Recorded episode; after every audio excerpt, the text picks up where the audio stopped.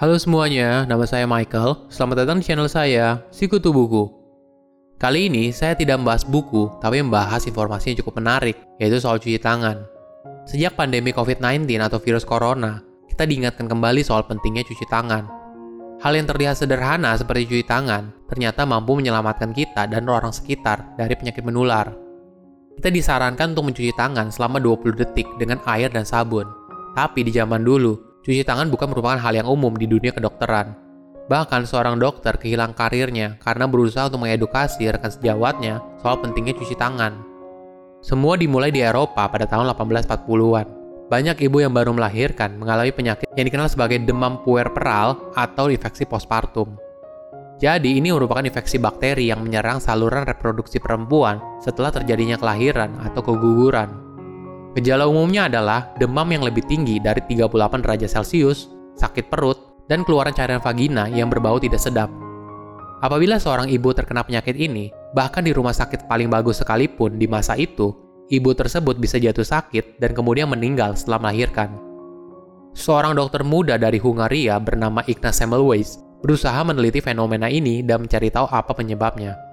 Ignaz merupakan seorang dokter muda yang menjadi ketua residen obstetri di Rumah Sakit Umum Vienna di Austria. Di sana ada dua tipe ruang bersalin, yang satu dirawat oleh dokter pria dan satu lagi dirawat oleh bidan wanita. Ada fakta yang cukup menyedihkan. Ruang bersalin yang dirawat oleh para dokter memiliki tingkat kematian ibu melahirkan dua kali lebih tinggi dibandingkan ruang bersalin yang dirawat oleh bidan. Melihat hal tersebut, Ignaz mencoba mencari tahu apa penyebabnya. Awalnya ada beberapa hipotesis, mulai dari apakah karena posisi tubuh wanita saat melahirkan, atau apakah ada hubungannya karena diperiksa oleh dokter pria, maka wanita jadi malu dan kemudian berujung pada demam. Hipotesis lain adalah apakah pendeta yang mendoakan pasien yang sedang sekarat menakutkan bagi wanita yang baru melahirkan. Ignaz berusaha menguji hipotesis tersebut satu persatu, hingga akhirnya dia menemukan apa penyebabnya, yaitu berkaitan dengan otopsi di ruang jenazah. Jadi, ada rutinitas yang dilakukan oleh dokter pada masa itu. Di pagi hari, dokter akan mengobservasi dan membantu anak didiknya dengan otopsi sebagai bagian dari pelatihan kedokteran. Kemudian di siang hari, dokter dan anak didiknya akan bekerja di ruang bersalin untuk mengecek pasien dan membantunya melahirkan. Sedangkan bidan tidak melakukan otopsi dan hanya bekerja di ruang bersalin. Ignaz kemudian berhipotesa, ada partikel dari mayat yang ditularkan dari dokter ke ibu yang baru melahirkan. Di masa depan, kita akan tahu kalau partikel itu adalah bakteri. Namun di masa itu, kita belum tahu apa partikel itu. Pada masa itu, dokter tidak harus cuci tangan ketika berpindah ruang perawatan seperti sekarang. Jadi, pasien wanita menjadi terinfeksi dari partikel itu dan kemudian mereka demam.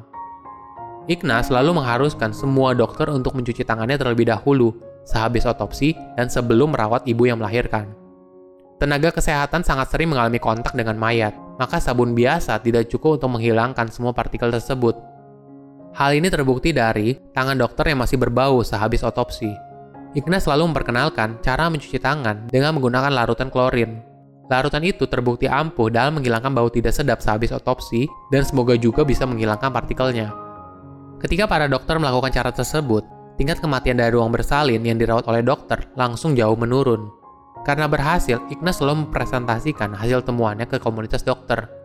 Sayangnya, temuannya dianggap spekulatif dan dipertanyakan dalam hal sains dan logika berpikirnya. Banyak sejarawan berpendapat, penolakan ini karena para dokter merasa seakan-akan mereka disalahkan atas kematian para ibu yang melahirkan.